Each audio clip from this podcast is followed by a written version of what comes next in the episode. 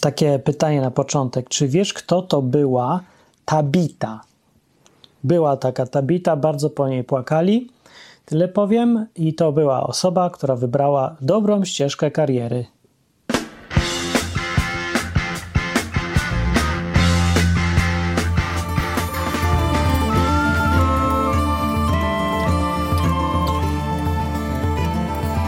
Odwyk od Bogu po ludzku. Dawno, dawno temu y, na terenie, gdzie dzisiaj leży Tel Awiw, w Izraelu, żyła babka, która na imię miała Tabita, po grecku y, gazela, y, Dorcas. I ta Dorcas Tabita żyła sobie, była jednym z uczniów w pierwszym kościele, chrześcijanką taką i po niej był wielki płacz. Jest to bardzo zaskakująca historia, dlatego że nikt nie wie, kto to była Tabita dokładnie, bo nie robiła nic specjalnie sensacyjnego. Jest opisana w dziejach apostolskich, w tej książce, co pierwszy Kościół opisuje. I tam w tej książce są apostołowie, jacyś prorocy, jest o Pawle dużo, co tam zrobił rewolucję na całym świecie, chrześcijaństwo do, doniósł wszędzie, aż do Rzymu i stamtąd na całe Imperium Rzymskie. No yy, i wśród tych wszystkich jakichś znanych ludzi, pierwszy męczennik Szczepan tam jest przecież i gdzieś tam Jezus się sam pojawia co jakiś czas nawet yy, już po tym, po zmartwychwstaniu. No i gdzieś wśród nich wszystkich jest jakaś tabita.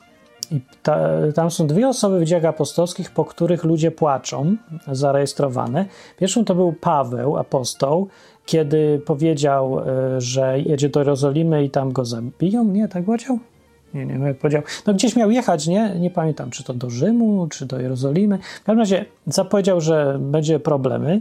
Miał i jedzie, trudno, tak mu kazał Bóg. I jedzie. No i go tam wszyscy namawiają, żeby nie jechał, nie, bo tam co ma umierać, jak może żyć i tu jest fajnie, no, no a mówi, no co wy robicie, no przecież mi jeszcze trudniej teraz, no i tak pojadę, nawet zabiją, nie zabiją i tak dalej. No, więc po, przy tym wyjeździe jest odnotowane, że płakali mocno, bo go lubili, widocznie, a drugi przypadek to jest ta Tabita. No i kim ona była w porównaniu z Pawłem? No absolutnie nikim. Ona y, szyła szmaty, ubrania szyła, jakieś mieszkała w tym Tel Awiwie i umarła no i to, jak ktoś jest z Polski, to wie, że jak ktoś umrze, to już jest zasługa i powód, żeby z niego robić bohatera, ale w tam to nie, to nie była Polska jeszcze i tam to, żeby płakać ktoś po tobie, to musiałbyś być kimś, kto coś zrobił i ona robiła. Ona szyła ubrania i zap zaprosili chyba Piotra, czy Pawła, czy Piotra, któregoś z tych, nie? Dwóch, bo był akurat w okolicy tego Tel Awiwu, żeby przyszedł i w sumie nie wiem co, bo ich pocieszył, czy co, czy powiedział, że fajna, bo, bo im umarła taka Tabita i no i przyszedł i patrzy się, oni im pokazują, że tam ubranie robiła, patrz ile robiła. Wdowy różne, czyli ludzie, co ich raczej nie stać było na ubrania, najprawdopodobniej robiła za darmo i szyła im i dawała, bo taka była jej ścieżka kariery. No i po niej strasznie płakali. I jest ta scena napisana, że on poszedł, się tam modlił i powiedział: Tabito, wstań, wstawaj, zwyra. Robota czeka. I ona wstała. Tak, jak powiedziałem wcześniej, że umarła, a teraz mówię, że wstała. No właśnie, to też, oni tego też nie rozumieli, ale bardzo się ucieszyli, że ta Tabita umarła i teraz wstała. Widocznie się pomylili, bo spała. Nikt nie wiedział, jak wygląda człowiek, który umarł. Być może, a być może umarła i nie wiadomo, jak się to stało, że ożyła. No i taka jest historia opisana. I yy, o co tutaj chodzi? I po co o niej? Ten, no to jest trochę o niej ten odcinek. Jest taka tabita w Biblii i ona nie szuka jakichś wielkich yy, dla siebie misjonarskich yy, zadań, ani nie chce być apostołem, zmieniać świata i różne takie. Ona chce szyć. I ona szyje latami całymi prawdopodobnie bo ją tam całe te wszystkie wdowy przychodziły i strasznie płakały po niej. Musiała też być kimś więcej niż tylko szyjącym i rozdającym, bo no ja nie pamiętam, żeby gdzieś tam w domach dziecka ktoś płakał po jakimś biznesmenie, który zostawia milion złotych na domy dziecka, rozdaje, bo, no bo nie, no szkoda, nie, ale nikt nie będzie znowu płakał. Milioner to milioner, zostawił to zostawił, nic więcej a po niej płakali. Ona musiała być w ogóle fajna i ludzi lubić i różne więcej rzeczy robić przy okazji samego szycia. Bo za rozdawanie tylko to się nie płacze po ludziach jednak. O, ani wtedy, ani dzisiaj, ani nigdy. Trzeba być kimś więcej niż jakieś serce pokazać, czy coś pogadać z kimś, różne takie sprawy. No i taka była jej kariera i jest odnotowana w Biblii. To jest przykład. przykład tego, że mm, różnych rzeczy, że wybór kariery ma sens. Jest to przykład, że y, to, że się szyje majtki, okazuje się, że po tobie płaczą ludzie tak samo, jak zmieniasz świat, wprowadzając nową religię, która zmienia życie. E, bo Paweł czy tak i, i Tabita właściwie podobne reakcje uzyskali i że Bóg e, jest w stanie tak cię docenia do tego stopnia, jak masz karierę szycia majtek, że e, wstajesz z grobu. Bo tak wszyscy płaczą, że nawet Bogu się zrobiło żal i pokazał, że docenia kobiety, tabity robiące, szyjące szmaty. I nie tylko szyjące, bo po prostu widocznie były fajne bardzo i dobre przy okazji tej kariery ciągle. No, i teraz tak mi się przypomina, pierwsze skojarzenie z tą historią i z tym wnioskiem jest takie, że jak sobie przypominam te kościoły, gdzie przychodzą e, zapraszani jacyś prorocy, ewangeliści, różni tacy, wielcy z dalekich krajów i potem robią sesję prorokowania, kto kim będzie, to ja nigdy nie słyszałem, żeby ktoś powiedział, ty będziesz szył majtki, oni zawsze mówią, ty będziesz wielkim ewangelistą, a ty będziesz prorokiem, a ty miliony ludzi, coś tam, a ty takie. I wszyscy chcą słyszeć, jak oni będą wielcy, nie? I chcą słyszeć, yy, że będą w, w Królestwie Bożym, nie wiadomo co robić, a nikt nie chce szyć majtek. Co jest dość zrozumiałe po tym, jak chodzi do takiego kościoła i tam cię nakręcają latami całymi, yy, że to wszystko jakieś wielkie i sensacyjne musi być. No nie było takie w pierwszym chrześcijaństwie i w Biblii o tym nie ma za bardzo, e, że każdy to jakieś strasznie wielkie rzeczy będzie musiał robić. A jednak taka tabita robiła rzeczy wielkie. Bo wiesz, jak nie masz gdzie mieszkać, nie masz co ubrać i robi się zima, to nawet w Tel Awiwie jest zimno i wtedy jak przyjdzie ci jakaś tabita, da ci co żeby na, na tyłek, żebyś ubrał, jest ci ciepło, to ty to doceniasz dużo bardziej niż te wszystkie super nakręcane sesje od jakichś wielkich ludzi, co ci tam opowiedzą, opowiedzą. Ty się rozpłaczesz, ale tydzień później dalej ci zimno i nie masz co jeść na przykład. Więc ją doceniali. I Bóg też, co jest najbardziej istotne w tym wszystkim, bo no, Biblię się głównie po to czyta, żeby wiedzieć o co Bogu chodzi, a nie co ma do powiedzenia jakiś tam Paweł, Piotr czy ktoś inny. No więc Bóg też lubi takie tabity. Ja chciałem o, o karierze dzisiaj, bo o ile w tamtych czasach pierwszego chrześcijaństwa, jak Jezus po ziemi chodził, to życie było prostsze, to dzisiaj już takie proste nie jest. Wtedy życie y, nie wymagało jakiegoś wyboru ścieżek kariery, nie trzeba było iść na studia, nie trzeba było mieć certyfikatów i kursów, jak się coś chciało robić. Jak chciałeś zostać drwalem albo szewcem albo stolarzem, to się brałeś za narzędzia, nauczyłeś najpierw tego robić praktycznie, robiłeś co trzeba i oferowałeś na sprzedaż. Tyle było. Tam więcej nic nie było specjalnie. Jakieś super regulacji, no zawsze jakieś tam były, ale to nie ma, nawet blisko nie jest tego, co jest dzisiaj. Dzisiaj, żeby cokolwiek robić, to trzeba zrobić plan i ten plan musi być na dłużej. Nauczenie się czegoś zajmuje tyle, co zajmowało, ale oprócz tego to trzeba mieć przeważnie jakieś tam kursy i certyfikaty i pozwolenia i różne inne historie. No ale z samych rzeczy, gdyby nawet tej biurokracji jakiejś nie było i regulacji i państwa, no to każde zajęcie y, bardziej złożone wymaga, y, wymaga w ogóle przygotowań. Więc jeżeli y, 2000 lat temu chciałeś być tym, co stoły robi, stolarzem, o, i to wymagało jakichś przygotowań, bo musisz mieć warsztat, bo musisz gdzieś zapraszać klientów, bo musisz te narzędzia skądś wziąć, je jeszcze kupić, nauczyć się używać. To to samo dzisiaj też będzie. Więc to i tak trzeba zrobić z odpowiednim wyprzedzeniem.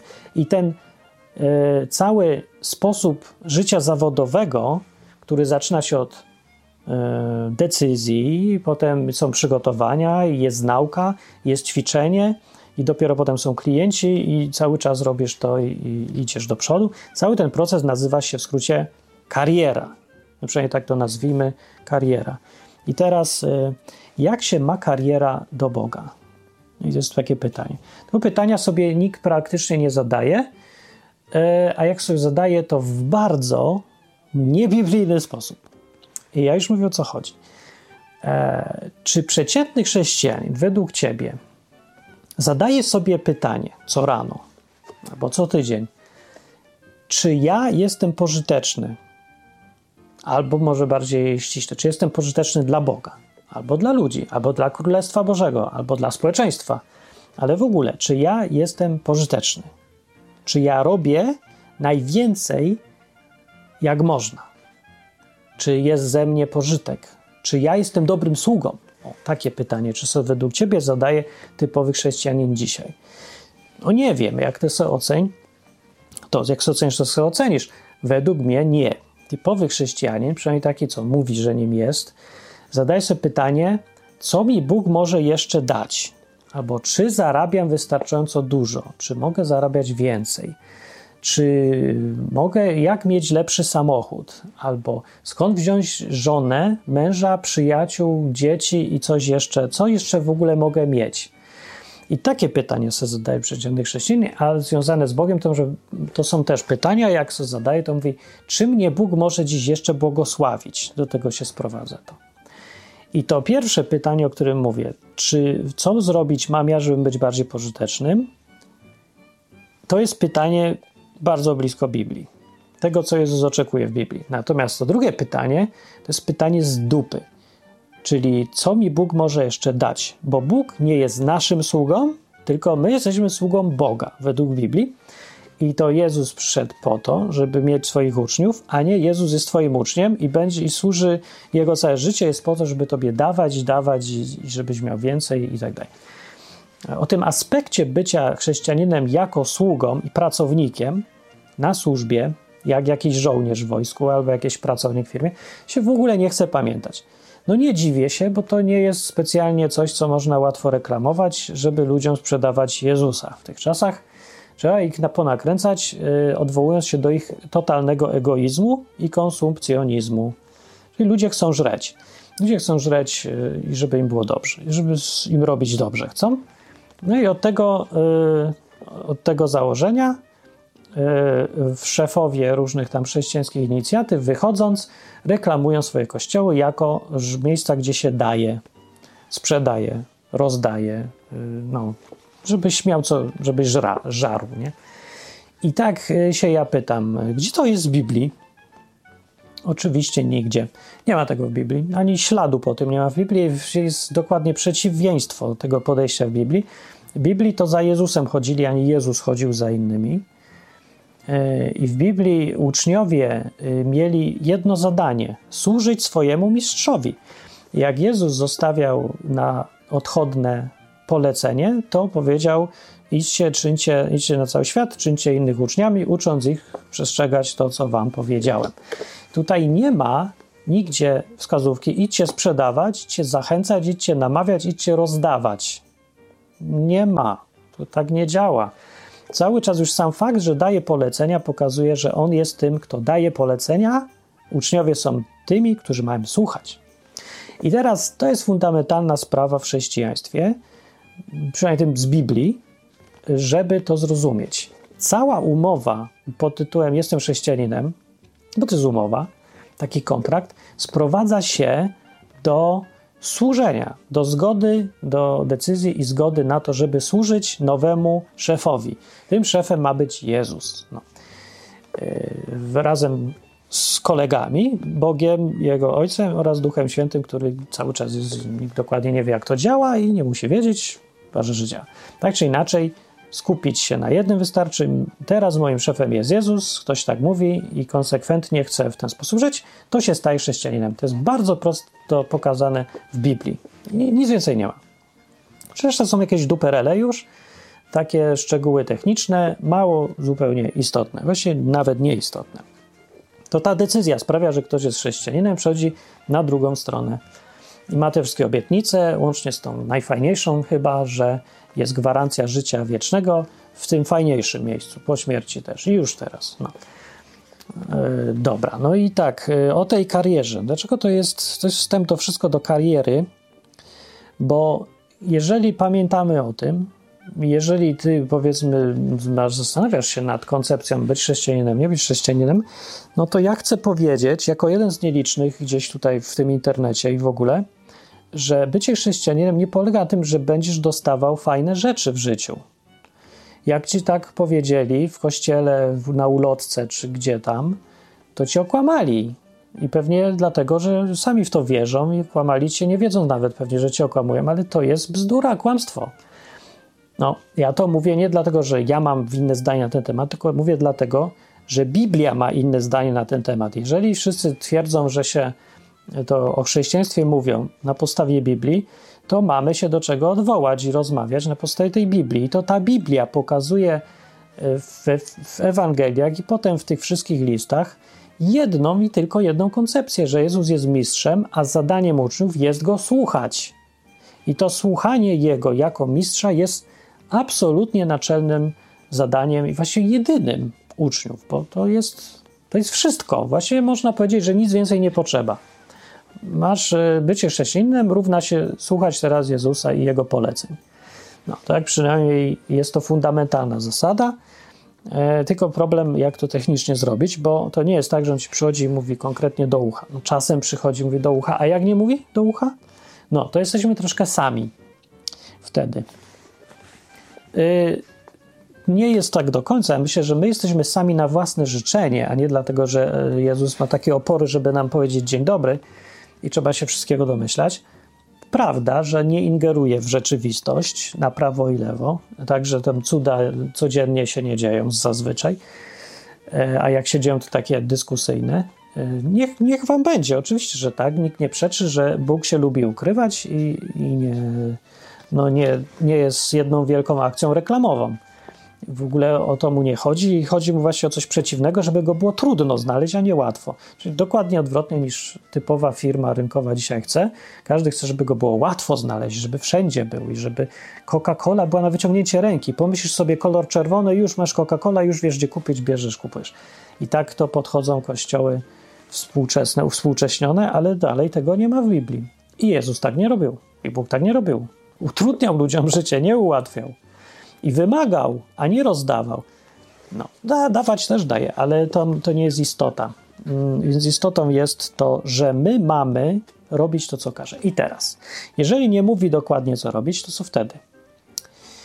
I wracam do tematu kariery. I to jest niestety temat, do którego wszyscy chcą uciec, a nie da się od niego uciec, ponieważ co byś nie robił we współczesnym świecie, i tak będziesz musiał mieć karierę. Oczywiście to nie musi być tam kariera, która wymaga całe lata dziesięciolecia przygotowań. Jak się jest na przykład jakimś, się robi takie bardzo specjalistyczne rzeczy, jakimś jesteś, ja wiem, archeologiem, czy tam inżynierem e, specjalizującym się w czymś rzadkim, to, to dziesięciolecia spędzasz na tej ścieżce kariery. Robiąc to po kolei od, e, od stanowiska do stanowiska, od etapu do etapu. I to wymaga strasznej cierpliwości, nie zmieniania kursu przez długo. Ale są, większość rzeczy jest taka trochę pośrednia. Na przykład, jak żeby być programistą, jak ja jestem, e, to nawet nie trzeba iść jedną utartą, sformalizowaną ścieżką. Bo jak ja zacząłem, to w ogóle nie było jeszcze takich ścieżek, nawet typowych nie było, wszystko było totalnie nowe. Ale jakaś ścieżka jest, no bo to zajmuje czas, żeby się nauczyć, zrozumieć, wytrenować, poznać potem zebrać jakieś doświadczenie i dopiero gdzieś pracować z innymi w, dużych firmach, w średnich firmach, w małych firmach, w, w zespołach, w, dwu, w dwie osoby, bo samemu też można, ale i tak się zawsze współpracuje. Tak czy inaczej, zajmuje to nawet czas. Najprostsze nawet rzeczy, że chcesz iść smażyć frytki do McDonalda. I tak już są jakąś karierą, tylko zwykle krótką albo łatwą do wejścia. Więc są różne kariery, ale to są zawsze kariery, w tym sensie, że to jest długi proces. I teraz pytanie najważniejsze. Długi wstęp wiem, ale ważny. Pytanie, do którego dochodzę w tym wszystkim jest: jak wybrać karierę swoją? Czyli co wybrać, żeby robić w życiu? Super ważne pytanie, z którym prawie wszyscy dzisiaj mają problem, bo mało kto wie, czego chce. I nie dziwię się, bo jest y, w dzisiejszych czasach bardzo dużo do wyboru. Wszystko jest ryzykowne, nic nie jest pewne i wszystko zajmuje czas. I ten wybór się robi bardzo trudny, skomplikowany się robi. No. Ale teraz, oprócz tego, z tego problemu, ja dorzucam problem dla chrześcijanina. Jak wybrać karierę, będąc chrześcijaninem? Yy, I czy w ogóle? No więc ja sobie tak kiedyś myślałem na początku yy, kariery z Bogiem, powiedzmy. Nie, na początku tak myślałem dawno, dawno temu, jak byłem jeszcze taki mniejszy, że, że nie ma potrzeby. To co będę wybierał? Tak se żyję od dzisiaj do jutra, od jutra do pojutrze i o, bardzo dobrze. Bo tak se żyli dawniej pierwsi uczniowie Jezusa, co on ich posyłał. Nie, idźcie w pary, miejcie po y, jednym ubraniu, nie przejmujcie się niczym. No to ich posyłał, ale to było y, w okolicach Izraela w ciepłym klimacie 2000 lat temu. A dzisiaj y, jest troszkę trudniej to samo zrobić, bo tutaj nie ma 25 stopni w cieniu, tylko jest minus 5 aktualnie i musisz mieć gdzie spać. No nie możesz się iść przespać pod y, jakąś drzewo oliwne y, do ogródka i tak dalej, a załatwić pod krzakiem i różne takie historie. No, bo nawet niczego nie kupisz, jak nie będziesz miał dowodu albo karty w banku albo różnych takich historii. Wszystko się komplikowało po prostu. To nie znaczy, że się coś fundamentalnie zmieniło. Jak mówię, jest w Biblii ta Tabita, od której zacząłem, i ona też jakoś wybrała sobie, bo jakoś się stało, że miała tą karierę szyjącej majty. Czy tam w czym to oni tam chodzili. E, I szyła, i rozdawała, i to był jej sposób na życie. I jest to jakiś wybór kariery. Jakiś taki Paweł apostołem, co został, robił namioty zawodowo. I gdzieś tam ta kariera była. Przy okazji ona się okazała chyba bezużyteczna specjalnie, chociaż się z niej utrzymywał, ale to tak, bo musiał widocznie, albo, albo nie chciał po prostu, no jakoś musiał zarabiać sobie. I różne y, rzeczy ludzie robili. Sam Jezus też gdzieś tam był stolarzem. Y, była taka kariera jakaś była, nie? ale dlaczego taką wybrał? Dlaczego namioty? Dlaczego szycie? Dlaczego stolarz. No jakoś trzeba wybrać. No i tak, y, w przypadku, w praktyce wielu ludzi nie wybiera w ogóle. Wybiera im się samo. Przypadkiem, znajomy powie, jak, jakoś się zaczyna. Nie? Jeżeli pracujesz już wiele lat, to zastanów się teraz, jak zacząłeś tą pracę. Standardowy y, sposób kariery w tych czasach w Europie czy w Polsce jest taki, że idziesz do szkoły, potem wybierasz, co z grubsza chcesz robić, idziesz na studia, ucząc się tego, co masz robić i po studiach znajdujesz pracę zgodną z tymi studiami. Z ostatnich statystyk, które ja znam, ale to już dawno temu było, nie wiem, czy się coś zmieniło, okazuje się w praktyce, że w, w zawodzie zgodnym ze studiami, z kierunkiem studiów, pracuje około 10% osób. Więc to jest standardowa ścieżka, tylko że nie ma takiego standardu, bo nikt tak nie robi. Oprócz tych 10%. 90% natomiast, gdy weźmiesz 10 osób po studiach i zapytasz, co robią, to się okaże, że 9 z nich robi co innego niż studiowała, a jedna robi to, co studiowała. Yy, nie wiem, może się trochę zmieniło, ale wątpię, bo tak jak gadam z ludźmi, to nie czuję, żeby była jakaś różnica. No więc jeżeli nie jest to ta typowa ścieżka, to jaka? Jak się znajduje karierę? Nie wiem, nie ma standardów. Jak z rozmów z ludźmi wynika, że w najróżniejsze sposoby, bardzo raczej przypadkowe jednak. I może i dobrze. Ale coś do zastanowienia chcę, żeby było z tego odcinka, bo jak dąży to, cała ta, to, co chcę powiedzieć, yy, dąży do stwierdzenia, i nie będę udawał, że za dużo jest tu w tym wszystkim przypadku i rzeczy, których się nie da kontrolować, żeby dało się w ogóle wybrać karierę. Może tak, może nie. Ja jestem programistą, bo ja chciałem być programistą. Ale powiem więcej, po drodze, oprócz bycia programistą, wszedłem na ścieżkę kariery barda internetowego. No, jak ktoś nie wie, to niech wpisze sobie na YouTube Martin Lechowicz, zobaczycie głównie, że tam są piosenki. Narąbałem ich z 200, wydam dwie płyty i yy, gdzieś tam jest efekt tego ostateczny, że ze 20 milionów odsłuchań tego wszystkiego było i no, wyskoczyła nagle taka kariera. Y, czy ja się do niej przygotowywałem jakoś? Tak, się okazuje, ale nie wiedziałem, że to będzie kariera i że w ogóle się będę przygotował, że to jest przygotowanie. Inaczej mówiąc, grałem na gitarze. Jak miałem 17 lat, to wziąłem pierwszy raz gitarę, zacząłem brzdąkać, nie mogłem przestać przez najbliższe następne 14 lat. I 14 lat później przypadkowo gdzieś tam coś publikowałem, piosenkę napisaną na kompletnie inną okazję, o tym podolskim i zrobiła się popularna, a potem następna i tak, i tak już poszło sobie. I co? Wybór kariery. No, nie wiadomo, nie wiem jak tu powiedzieć, czy wybrać, czy nie wybrać, ale to jest dosyć dobry przykład. Bo okazuje się, że, że z jednej strony rzeczy się dzieją losowo w życiu, jakaś kariera grajka internetowego dla programisty z wykształcenia, zamiłowania, predyspozycji, wszystkiego jest w ogóle nie do pomyślenia. To może się dać tylko przypadkiem. Z drugiej strony, to nie był całkiem przypadek, bo ja sam z siebie chciałem grać i grałem. Każdy, kto gra na gitarze i umie, wie, że to jest długi proces. Jeżeli ktoś przypadkiem takie rzeczy chce, żeby mu wyskoczyły, a jednocześnie nie zgadza się, żeby latami ćwiczyć, to nie ma szans żadnych, zerowe, bo to są rzeczy, które wymagają stałości. Jeżeli już więc chcesz ćwiczyć gra na, granie na gitarze, żeby coś zagrać w sposób dający się miło słuchać, to zajmie ci minimum rok, dwa, trzy lata. No i tyle mi też zajęło. I to codziennie grając, lub tam co drugi dzień, po godzinę, dwie godziny. Dużo, dużo czasu.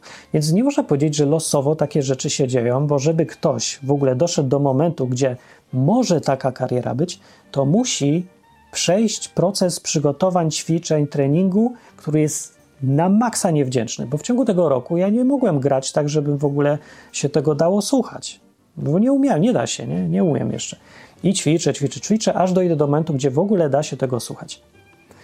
I ten proces trwa rok. Ja przez ten rok muszę nie zmienić zdania, że chcę dalej grać na gitarze. Więc to nie jest przypadek. Jest to takie coś, co właśnie trudno powiedzieć. Jak teraz człowiek, który chce w zgodzie z Bogiem znaleźć sobie karierę, ma postępować? Czy decydować się na coś, czy liczyć na przypadki?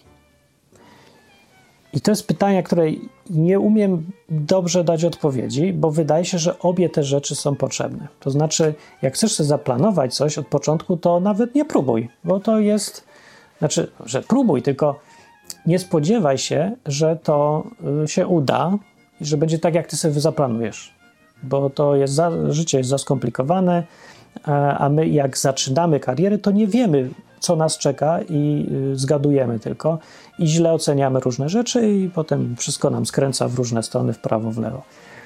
E, tak. Ale z drugiej strony, jak liczysz na sam tylko przypadek, to nigdy żadnej kariery nie będzie, bo y, trzeba coś jednak chcieć i ustalić, że się robi. Bo rzeczy wymagają ćwiczeń, treningu, y, konsekwencji, cierpliwości. I żeby te rzeczy mieć, trzeba coś wybrać. No. Dlaczego ja tu siedzę z książką? Ja tu siedzę z książką, bo w ogóle cała ta koncepcja e, gadania o karierze, dzisiaj jest problem, jest problem. Widzicie, że jest problem? Jest problem.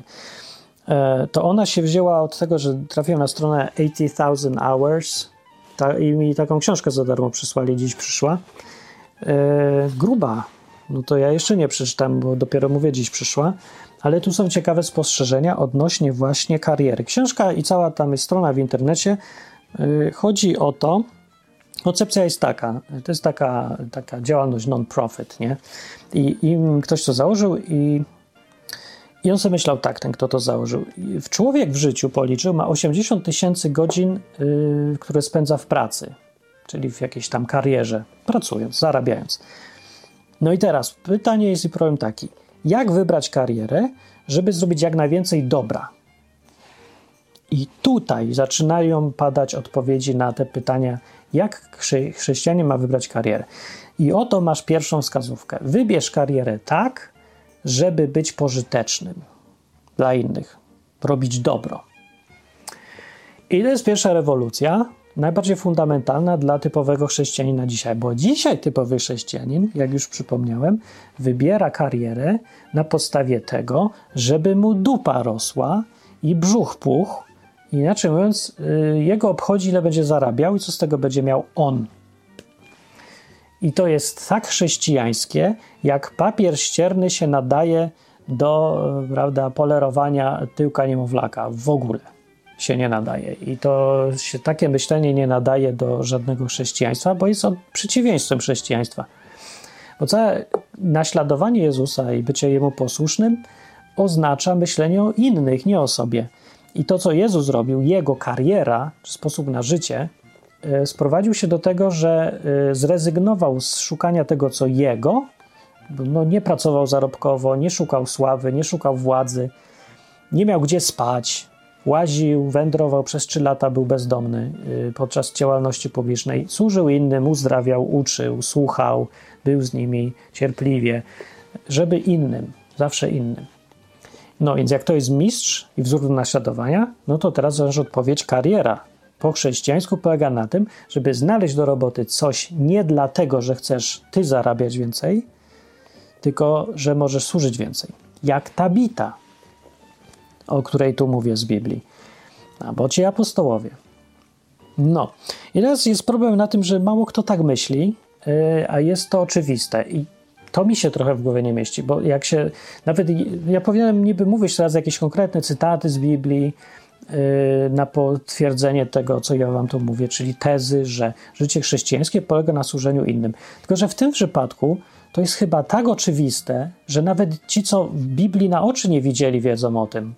Bo taki to, kim jest Jezus, to wśród ludzi, którzy nic z chrześcijaństwem wspólnego nie mają, toż nawet oni wiedzą, że to był ktoś, kto myślał o innych, a nie o sobie.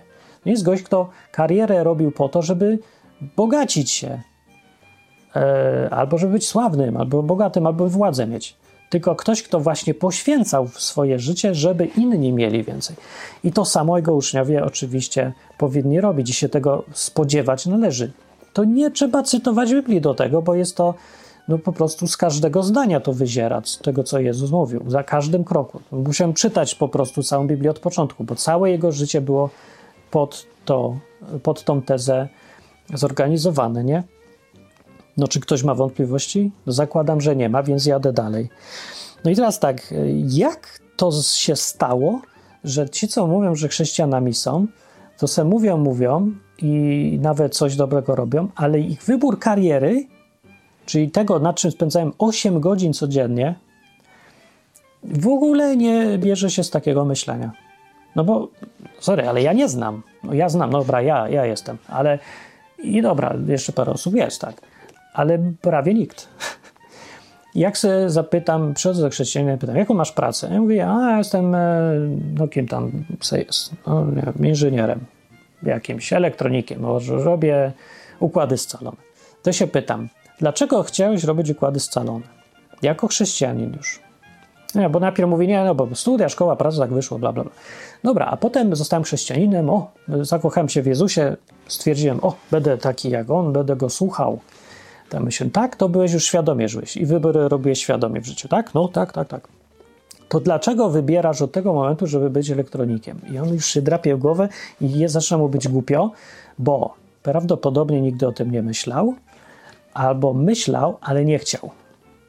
Bo gdyby konsekwentnie zaczął myśleć, to powinien zrewaluować całe swoje życie od początku i powybierać wszystko zgodnie z priorytetami, jakie mu nakazuje chrześcijaństwo a to oznacza wybór pracy od początku z innymi priorytetami niż, niż od początku mamy, jak tam zaczynamy żyć. Czyli nie po to, żeby zarabiać. Tak naprawdę wybrał sobie pewnie pracę, jakiś tam inżynier, czy tam spawacz, czy kto tam, bo albo było łatwiej, albo było do, duża korzyść dla niego. Rzecz mówiąc, dużo na tym zarabia. Jak się teraz zadaje pytanie, y, czy masz dobrą pracę, to co przez to się rozumie?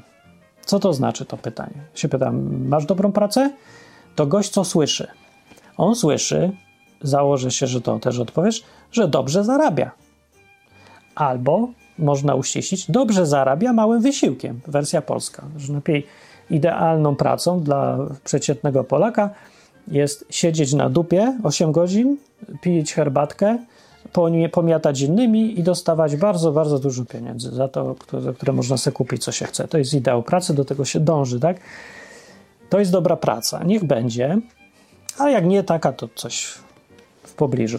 Dobra, a teraz według chrześcijaństwa, dla chrześcijanina, jaka to praca jest dobra? Jakby się tak zastanowić nad tym, to ja bym powiedział, praca Tabity jest dobra. A ile ona zarabiała? Nie wiem, nikt nie napisał. Ale najlepsze jest, że prawdopodobnie nic, bo wdowy ją lubiły. To znaczy kobiety, klienci bez pieniędzy. To chyba jednak nic nie zarabiała, albo żyła na pograniczu w ogóle. No, żyła jakoś, więc z głodu nie umierała. A może umarła z głodu, właśnie, nie wiadomo.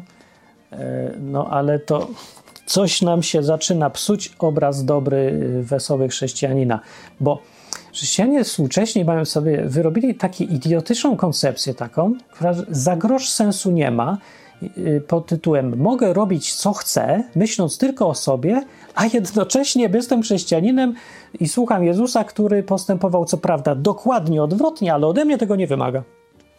Że Jezus nie miał własnej kariery, miał karierę, no bo tam każdy coś wybiera, co robi, więc miał karierę. Kariera Jezusa była wybrana w oparciu o to, jak ma służyć Bogu i ludziom, nie myślał o sobie, nie zastanawiał się, ile zarabia, i na tej podstawie wybrał, co będzie robić w życiu ten Jezus.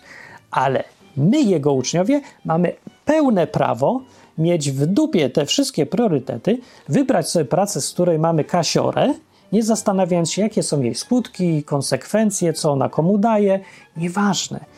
I po tej pracy możemy wydać 10% z tego, cośmy zarobili wyłącznie dla siebie, na potrzeby kościoła. I to już jest spoko.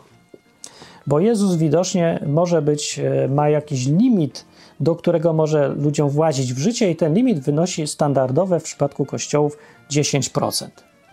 A 90% łaskawie zostawiasz, byś robił co chcesz. Więc nie dziwcie się, tak powiem dygresję, dlaczego nie widzicie wśród kościołów i chrześcijan, żeby tam w ogóle był Bóg, ponieważ tego Boga jest maksymalnie 10% stężenie. I to jest myślę za mało, żeby przejść próg, powyżej którego są cuda, zbiegi okoliczności, ci ludzie są jacyś inni niż inni i tak dalej. No bo różnica między tym podejściem a e, takim chrześcijańskim standardem dzisiejszych czasów, a zwykłym człowiekiem może dotyczyć tylko tych 10%. A to tak naprawdę nie jest 10%, to jest tylko 10% y, z zajęcia y, z z kasiory, którą się robi w ramach zajęcia, która nie ma nic wspólnego z chrześcijaństwem, bo nie była w ogóle konsultowana prawdopodobnie z Bogiem nawet. Oczywiście nie wszyscy tacy są, ale większość taka jest i to jest standard, że to jest norma. Jak teraz ja zacznę gadać, przejdę, wejdę do przeciętnego kościoła, gdziekolwiek na świecie i zacznę z nimi rozmawiać z moim podejściem biblijnym o ich pracach, karierach czy coś, to mnie zaraz wyrzucą stamtąd, bo ja im psuję dobry nastrój i w ogóle nie rozumiem o co mi chodzi, ponieważ normą jest, że Boga się do pracy nie miesza, prawda? A ja właśnie mówię, że tak, miesza się, albo chrześcijaństwo jest kpiną i Boga tam prawdopodobnie nie ma, albo nie będzie, albo będzie go mało. A to z tego powodu, bo to jest 80 tysięcy godzin życia. 80 tysięcy godzin życia, w którym, które nic nie mają z Bogiem wspólnego w ogóle się teraz okazuje. No i patrz, yy, jest alternatywa. Alternatywa jest trudna, bo yy, rzadko się zdarza, żeby Bóg komuś powiedział dokładnie, jaką karierę wybrać. Ale nie musi. To jest plus pocieszające. Więc minus jest taki, teraz chrześcijanina, który jednak chce być chrześcijaninem naprawdę, a nie robić udawać po prostu, okłamywać siebie. Naprawdę, serio, bo chrześcijaństwo, dokończę tą myśl, bo nie mogę. Chrześcijaństwo współczesne polega na po prostu ćwiczeniu się w byciu totalnym hipokrytą, okłamywaniu się do poziomu, jaki jest nieakceptowalny wśród wszystkich innych ludzi niechrześcijan. Bo to wymaga, żebyś żył tak jak każdy inny zwyczajny człowiek, myśląc tylko o sobie, jako totalny konsument, jednocześnie widząc siebie jako innego, miłego dla ludzi, lepszego czy coś, i musisz sobie y, wytłumaczyć, wbić do głowy, że jesteś lepszy, dlatego że się uśmiechasz więcej, mówisz milsze rzeczy, albo dajesz 10% z tego, co zarabiasz, albo wiesz więcej o Biblii, Bogu, albo nie jesteś katolikiem, który oczywiście wszystko robi źle i takie tam.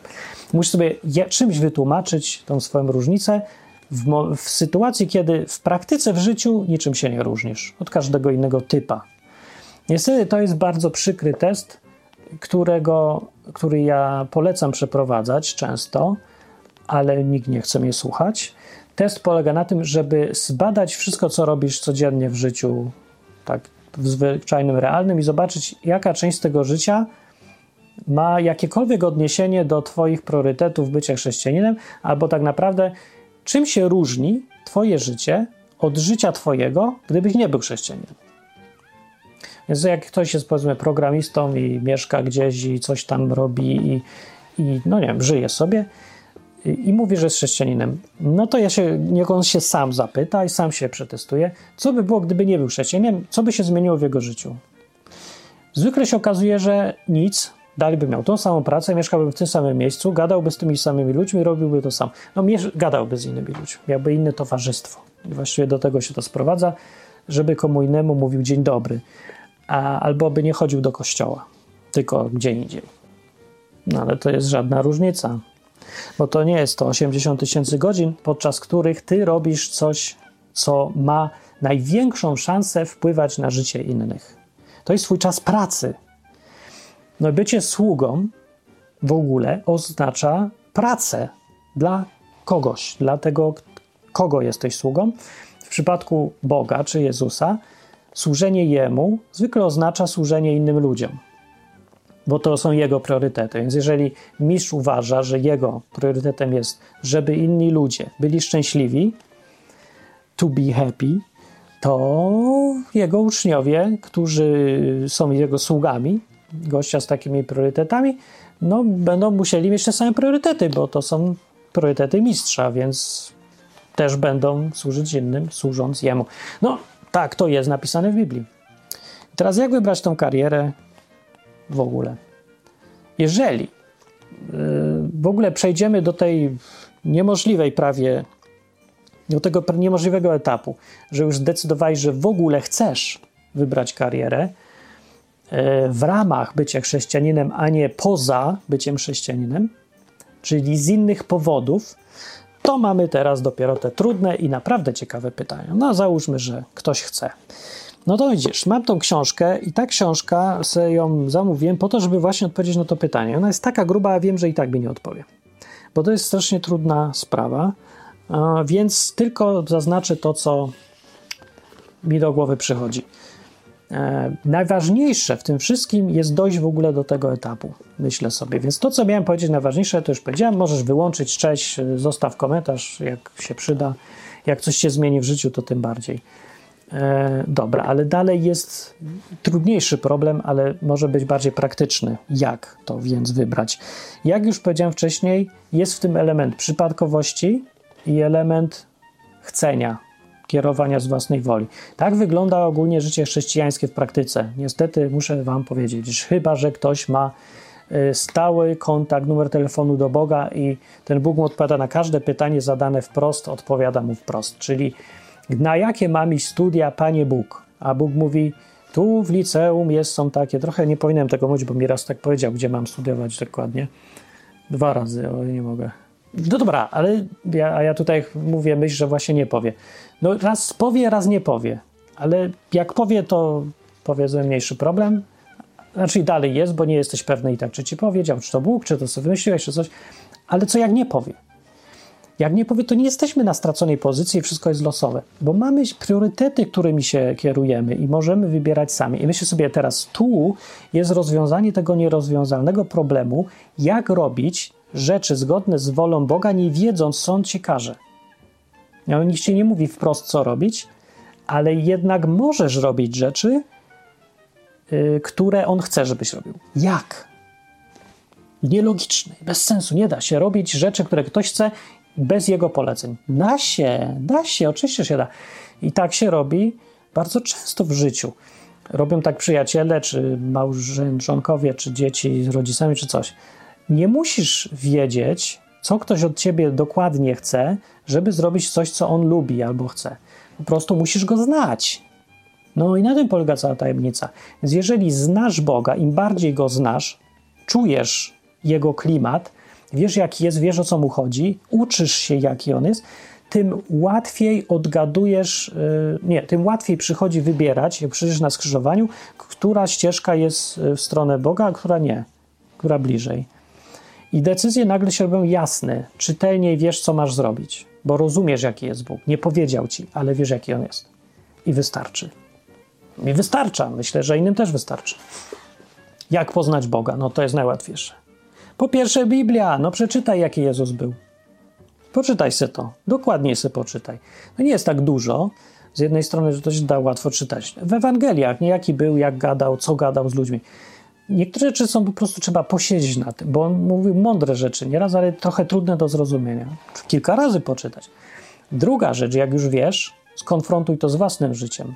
Zacznij wprowadzać to, jaki on był, i próbuj być taki sam. Zobaczysz, co się stanie. Różne ciekawe rzeczy. No i z czasem się jakby urealnia ten Jezus. Jeżeli jesteś, y, próbujesz być taki, jak on był, czytając o nim, widzisz nagle, jakie są problemy, jak to w praktyce wygląda, to nagle odkrywasz, jak bardzo realistyczny był ten Jezus, życiowy gość, niesamowicie życiowy. Rozumiał naturę człowieka, rozumiał dużo, o świat, świat wiedział, jak działa, jak wygląda. Niesamowicie mądry ktoś. No i zaczynasz być też mądry i coraz bardziej taki jak on. No i to jest taki proces, nie po prostu bycia chrześcijaninem. I to gdzieś ta kariera po drodze w tym ci się uformuje. Nie wiem, jak to działa. Ja muszę powiedzieć, że wydaje mi się, że da się to, no tak się wydaje, jak ja mówię, że da się w tym znaleźć wytłumaczenie na zasadzie takich, tak racjonalnie to tam tłumaczę, jak to działa, nie? że psychologicznie, jakoś tak intelektualnie, rozumowo, ale coś mi tu w tym brakuje, bo przecież nijak bycie coraz bardziej jak Jezus nie może doprowadzić mnie do tego, że mam grać na gitarze w wieku lat 17, żeby 14 lat później napisać piosenkę do internetu. No co mi daje znajomość Jezusa, czy choćby nie wiem jak dobra, żeby takie wybory życiowe robić? No nie daje, więc nie wystarczy. Yy, jest tu jakiś czynnik ponadnaturalny, przynajmniej u mnie on był, i w, w każdej historii człowieka jakiegoś chrześcijanina, który robił rzeczy takie nietypowe, wybitne, jakieś dziwne, ale które przynosiły efekty, zawsze znalazłem element niewytłumaczalności. Taki, że nie wiadomo dlaczego to zadziałało. Że to nie da się tego wyjaśnić jak, jakoś tak, nawet po fakcie się już nie da wyjaśnić. Po fakcie niby wszystko da się wyjaśnić, nie za bardzo. No wyjaśnij fenomen piosenkowania mojego jako programisty. No nie, no, nie, nie, to musiał być przypadek kompletny zadziałał, ale jednak nie przypadek, bo doprowadził potem do y, sensownych wyników i wszystko się jakby w jedną stronę ułożyło, nie? jakby ktoś to zaplanował, wygląda całość. Y, więc jest kariera, no trochę chciałem coś z tej książki, nie? bo ona takie mądre rzeczy pisze, a ja tutaj mówię tylko na razie z Biblii plus doświadczenia. Y, no nie wiem, może się to przyda. Wracając do tej książki. Niegłupie rzeczy tu są napisane. Powiem wam tak, na przykład e, o karierze, jak wybierać. Człowiek sobie na przykład myśli doktor, to jest dobra kariera, bo ona pomaga ludziom. Jeżeli już pomyślisz sobie kariera, chcę być pożyteczny, nie? skup się, to jest ta myśl, to zadanie. Co mam robić w życiu? Nie żeby zarabiać i tak dalej, tylko żeby być dobrym, pożytecznym, bo Bóg jest dobry dla innych i chce, żebyśmy byli pożyteczni. Dobry argument to co, jak? No i właśnie, tej książce wynika, że to nie da się tego zrobić, bo jakby się dało, to by ona miała pięć kartek, a nie taka gruba była, więc widocznie to jest problem, którego nie rozwiązali i oczywiście, że nie rozwiązali, ale można zwiększyć wiedzę. Na przykład się okazuje, że lekarz. Wydaje się, że właśnie, że to jest o, czyste dobro, o to chodzi. Okazuje się, że nie. 80 tysięcy godzin kariery przeciętny lekarz ze współczesnym kraju na zachodzie przedłuża życie, jak ktoś tam wyliczył, o jakieś 120 lat swoich klientów. Y, standardowy przelicznik przedłużenia życia komuś albo ulepszenia życia, nie o te 120 lat. Standardowy przelicznik jest taki, że 30 lat przedłużenia życia albo ulepszenia życia w ciągu tych 30 lat komuś to jest yy, tak, jakby uratować jedno życie. Więc można to tak sobie przeliczać. Wiem, to są takie trochę przeliczenia na pałę i z grubsza, ale Wystarczy, nie? Bo to tylko, żeby oszacować chodzi. Więc chodzi o to, że przeciętny lekarz w całej karierze 80 tysięcy godzin w całym życiu uratuje tylko 4 osoby? No. Uratuje życie 4 osobom albo 120 osobom poprawi o godzinę życie. Lekarz typowy. Wydaje się to super zaniżona liczba, ale ta książka to nie jest zgadywanka. To są naukowe metody używane do szacowania tego wszystkiego. Nawet jeżeli jest 10 razy zaniżona ta liczba, możliwe, to dalej jest 40 osób. Przez całe życie lekarz uratuje. Mało! Szokująco mało. A to jest oczywiście prawda i wiąże się to z sytuacjami, y, z, z, tym, że po prostu na takim poziomie jest już poziom medycyny, że jeden lekarz niewiele tu sam może poprawić w stosunku do reszty. Chodzi tak naprawdę o to, ile jedna osoba może zrobić, jaką różnicę robi. Gdyby tego lekarza nie było, inaczej mówiąc, gdyby nigdy nie został lekarzem, to ile osób by nie przeżyło albo straciło życie. No i się okazuje właśnie, że cztery w ciągu całego życia. Mały wpływ.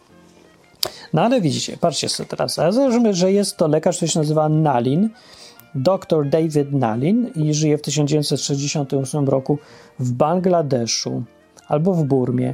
I co taki lekarz może zrobić y, z tym swoim 80 tysiącami godzin? Może pracować nad takim zagadnieniem, y, co tu zrobić z problemem sraczki, który jest śmieszny, ale nie jak ludzie umierają milionami przez to, bo woda jest brudna jak zrobić, żeby ludzie z odwodnienia nie umierali. I ktoś wymyślił, pracował nad tym, żeby do wody dodawać odpowiedniej ilości cukier i sól.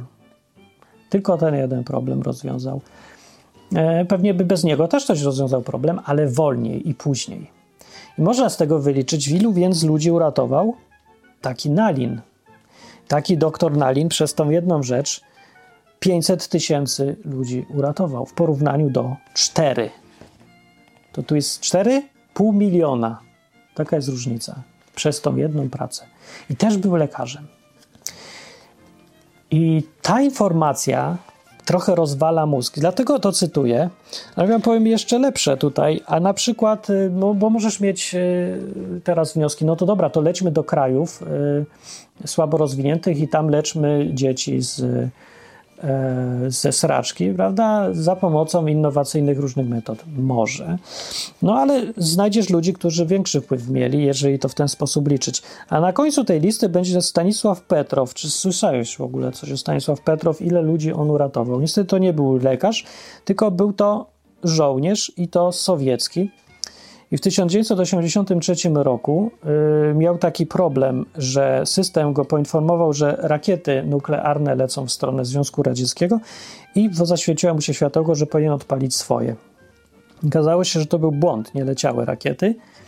I ten gość oszacował, że to nie może być prawdziwa informacja i nie nacisnął tego przycisku, dzięki czemu uratował jakieś tysiąc milionów ludzi, bo nie zaczął wojny nuklearnej globalnej, światowej. No i jest Stanisław Petrow, któremu miliard ludzi zawdzięcza, że przeżyło. Nikt nie wie pewnie, że mu zawdzięczają. No ale się okazuje, że zamiast być lekarzem, lepiej by być, być lekarzem na zadupiu i zajmować się straczką, ale zamiast zajmować się straczką i być lekarzem na zadupiu, najlepiej być sowieckim y, żołnierzem, który nie naciśnie guzika i złamie rozkaz, który w jednym momencie i w ten sposób uratuje miliard ludzi. I to pokazuje problem, jak wybrać karierę. Nawet jeżeli już wiesz, jakie są kryteria, bo po prostu nie masz bladego pojęcia, czy nie znalazłeś się jako żołnierz sowiecki w odpowiednim momencie, w odpowiedniej chwili, żeby nie nacisnąć jednego guzika. I ta zasługa jest większa o miliony razy niż zostanie lekarzem, który jest czymś dobrym właściwie. I jest to kompletna, totalna masakra, która rozwala mózg. Bo człowiek sobie zadaje pytanie, to ja już, to ja nie wiem, co robić. To może dobrze, że robię to, co robię. No nie wiesz, bo przeważnie jednak nie będziesz tym sowieckim y, żołnierzem, ani nie będziesz e, lekarzem y, że, leczącym ze straczki, ani w ogóle nawet zwykłym lekarzem, więc szanse na to, że trafić się coś takiego są bardzo niewielkie i raczej nie będziesz pożyteczny w życiu. Ale z drugiej strony nie ma, no nie, no nie wiemy dalej co robić. No, do tego się to sprowadza. Więc nie wiadomo jak tu knuć. Y, jest w Biblii księga Estery. I ona mówi o podobnym problemie. Była sobie jakaś historyjka, kompletnie z dupy, że jest, a była sobie Estera i ona zrobiła karierę królowej. Czy bycie królową to tak fajnie brzmi niby, a tak w praktyce to ona czekała na, y, świadczyła usługi seksualne królowi y, gdzieś tam w Azji jednemu. Y, się, czekając pół roku się tam leczą, lecząc, mocząc dupę w mleku kozim, czy czym tam jeszcze, żeby być przygotowano odpowiednio, bo to jednak król to ma wymagania.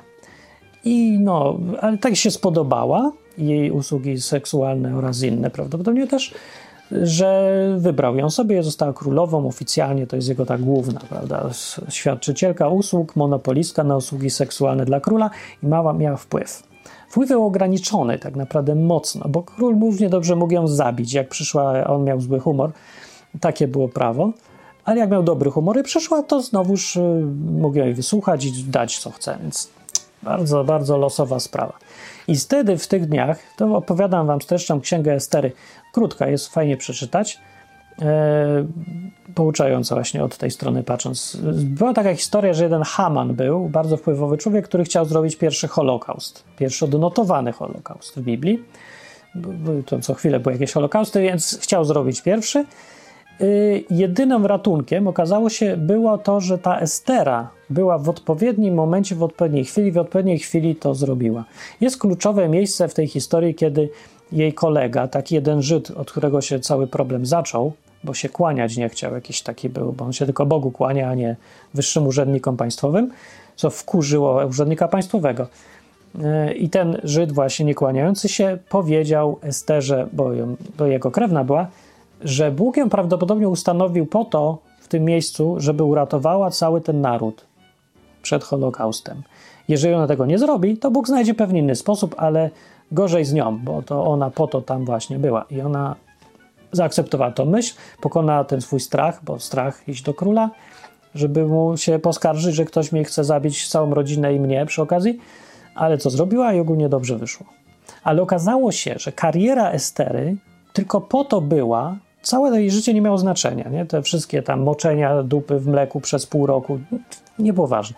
Jedna rzecz była ważna. Jedna chwila, w której odwróciła Holokaust przez, w ciągu trzech dni za pomocą zrobienia uczty i powiedzenia czegoś przez tam pięć minut pogadania z królem przez chwilę. To było cała jej zasługa i ta zasługa była ogromna. I teraz jak mieć taką karierę? bo ja bym chciał. Otóż nie masz żadnej kontroli nad tym. Wyrzucam tą książkę. Yy, nie, przeczytam ją, dobra jest. Ale nie masz kontroli nad tym, co będzie, ponieważ nie da się wiedzieć. I ja z czego ja się cieszę, że mam taką minę? Dlatego, że yy, nie trzeba się aż tak przejmować, po pierwsze, że, że, że nie masz dobrej pracy w sensie już chrześcijańskim, czyli że nie służysz bardzo innym. Bo może robisz gry, a może pracujesz w burdelu, dosłownie. Albo robisz pornole na przykład. A może jesteś sowieckim żołnierzem. Już nie jesteś sowieckim żołnierzem, ale może jesteś jakimś żołnierzem. A może jesteś czymś, co w ogóle do głowy nikomu nie przyjdzie, że z tego może być pożytek dla kogokolwiek w jakikolwiek sposób, taki dobry, fajny pożytek na trwałe, nie? Że nie, nie tak jak, że pornole robisz, to komuś jest miło przez chwilę, a potem ma problemy ze sobą, czy coś tylko taki naprawdę pożytek. E, może się wydać właśnie, że robisz najdziwniejsze, najgłupsze rzeczy, albo że jesteś tylko tabitą, która szyje majty. Ale później się okazuje, że to była część planu. I tą jedną rzeczą w życiu zrobisz więcej w ciągu godziny niż przez 80 tysięcy godzin, będąc lekarzem albo tam tym strażakiem. strażakiem. Chciałem powiedzieć policjantem, a się ugryzłem w język. Co ja bradzę? Jakie to nie te czasy, nie te miejsca. No, e, no, no ale policjant też może. I od czego to zależy? Otóż widzisz, z perspektywy chrześcijańskiej, od, od czym to zależy, czy jesteś na tej ścieżce kariery, która właśnie doprowadzi do czegoś właśnie super fajnego, przełomowego, kiedyś, nie wiadomo kiedy.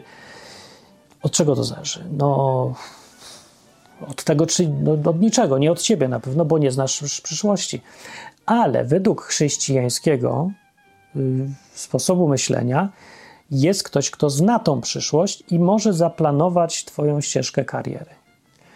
No, więc jak się jest esterą, to nie należy się martwić, że zostałaś prostytutką y, dla wysokich urzędników państwowych albo króla nawet i myśleć sobie, co to ma wspólnego z Bogiem oraz tym, że ja chcę robić dobro. Bo może mieć, poczekaj.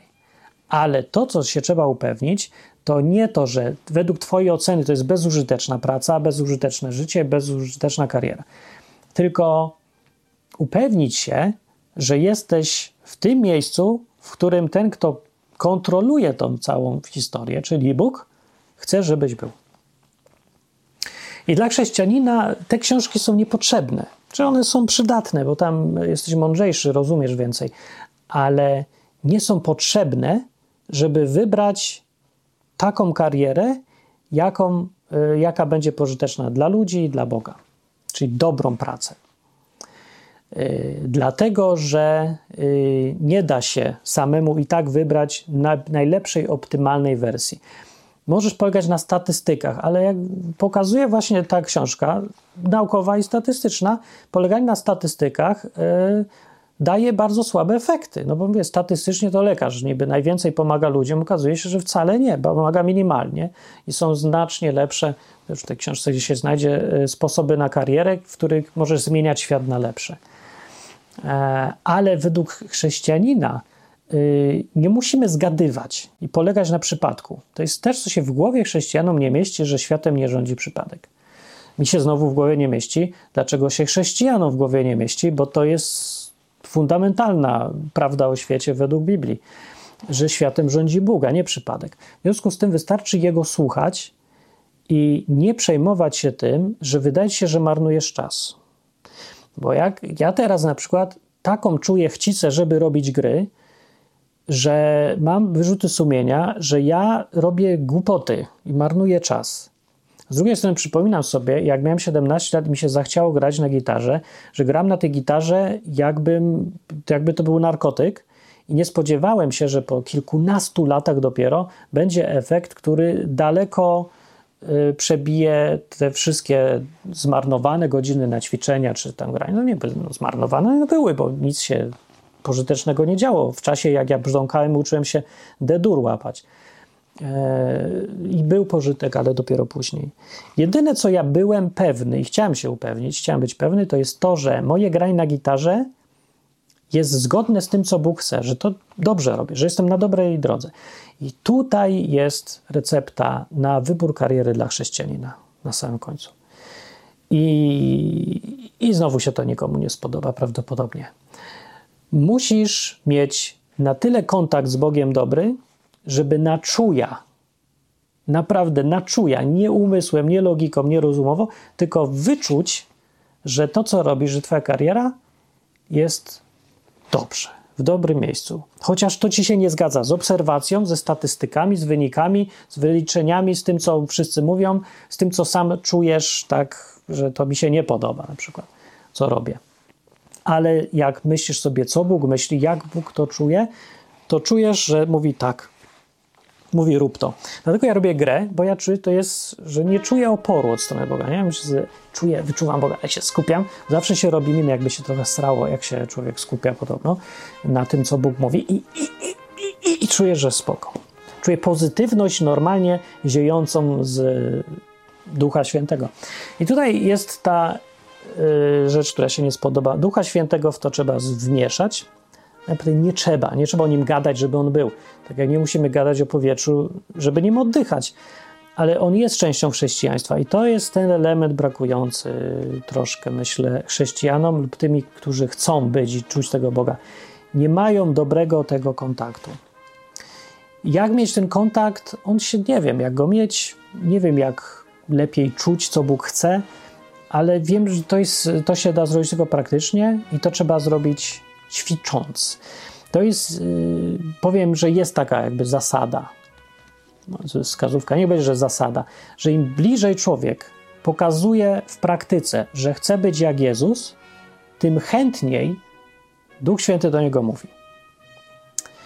I jeżeli więc nie słyszysz Boga, to staraj się bardziej, bardziej praktycznie, realnie upodabniać do Jezusa i do tego, jaki On jest, co do tego, co chce, do tego, yy, no, no tak, jaki był i no, nie, wiesz coś.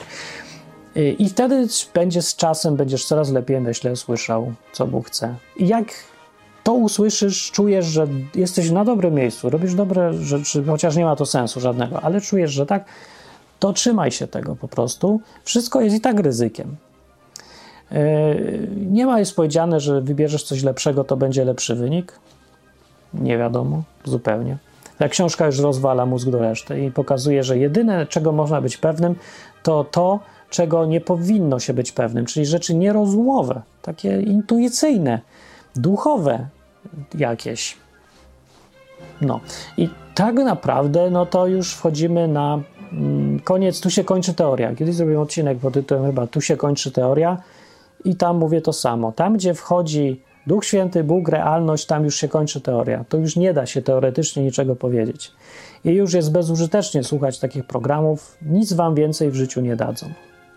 Jak chcesz wybrać karierę, mm, to jedyną gwarancją, że to będzie to najlepsze, co możesz wybrać, to jest ten irracjonalny, niewytłumaczalny kontakt z Bogiem. To jest ten głosik jakiś taki wewnętrzny, który ci powie, że jesteś na dobrej drodze, że to jest to, o co chodzi. Z drugiej strony jest też głosik, ten sam głosik może powiedzieć, że robisz kompletnie nie to, co trzeba, chociaż wszystko się wydaje dobrze też go tam będzie miał. To jest ten sam głos, nie? No i wtedy zmień. Chociaż się to wydaje czasem bez sensu, zwykle się wydaje bez sensu. Jakby było z sensem, to by ten głos w ogóle nie był potrzebny, tylko by wystarczyło myśleć. Się okazuje w chrześcijaństwie nie wystarczy myśleć, trzeba jeszcze słyszeć. I na tym miało polegać przecież chrześcijaństwo na posłuszeństwie, na byciu sługą, na wykonywaniu poleceń szefa. I przede wszystkim E, zaczynać to wszystkiego od tej postawy i od konsekwentnego wykonywania w życiu tej postawy. Błędy przy tym pewnie, że są. Co niemiara, cały czas. Błędami nie ma powodu się przejmować. Błędy są spoko, błędy są fajne, błędy są śmieszne, błędy nie są wcale takie szkodliwe, jak ludzie myślą. Pogódź się z błędami, zaprzyjaźń się z błędami, nie przejmuj się w ogóle błędami. Wszystko się da, da poprawiać. Zresztą błędy wychodzą i tak na dobre, łatwo dosyć, zazwyczaj no problem, błędy. Ale to, czy ta odwaga, konsekwencja, decyzja, żeby moje życie było życiem sługi, to zależy już tylko od ciebie w 100%. Jeżeli to zrobisz, to reszta już jest efekt tylko ćwiczeń, konsekwencji życia. Ale jeżeli nie zrobisz tego, jeżeli twoje życie nie ma postawy nie będzie w Twoim życiu z wyboru postawy sługi, robola, pracownika, żołnierza, takie co wykonuje polecenia od góry, no to nie masz szans na całą resztę. No, bateria mi mrugnęła, że się kończy. To znak, że muszę kończyć i za długo już nagrywam. Wychodzę. To jest trochę długi temat złożony i nie, może nie wszystko powiedziałem, ale najważniejsze rzeczy chyba powiedziałem, które chciałem powiedzieć. Na stronie odwyk.com zostawcie mi komentarzyk, e, jak coś jest do dodania albo istotna jakaś rzecz w tym wszystkim, albo coś, czego nie zauważyłem, to podzielcie się z innymi i napiszcie pod tym odcinkiem, co napisz, co myślisz o tym. No. E, I pamiętaj, te odcinki służą do myślenia. To nie są odpowiedzi gotowe na wszystko i na całe życie. Ja bardziej próbuję tutaj rozszerzyć mózg, yy, sprowokować do myślenia samodzielnego, żebyś sam wymyślił, jak żyć i w co wierzyć i co chcesz, żebyś wybrał sobie sam. Ostatecznie to ty odpowiadasz za swoje życie, a nie jakiś gość z internetu. A nawet jak mnie znasz osobiście, to i tak nie odpowiadam za twoje życie, tylko ty odpowiadasz za twoje życie. Też nie kościół, nie ksiądz, nie mama i nie pastor. Tylko ty wybierasz i ty będziesz odpowiadał za to, co ze swoim życiem zrobisz. No i z tą myślą nagrywam tutaj te odcinki. Jak Ci się podoba, uważasz, że to dobrze, że taki projekt jest, to zostaw co jakiś czas, co łaska. Kasiorę, kasiorę. Nie przejmuj się, dużo nie ma z tego. Ja nie będę żadnym dobrym samochodem nigdy jeździł, robiąc takie rzeczy. Także zostaw tam co łaska, żeby w ogóle było z czego to robić y, na www.odwyk.com i wychodzę. Cześć.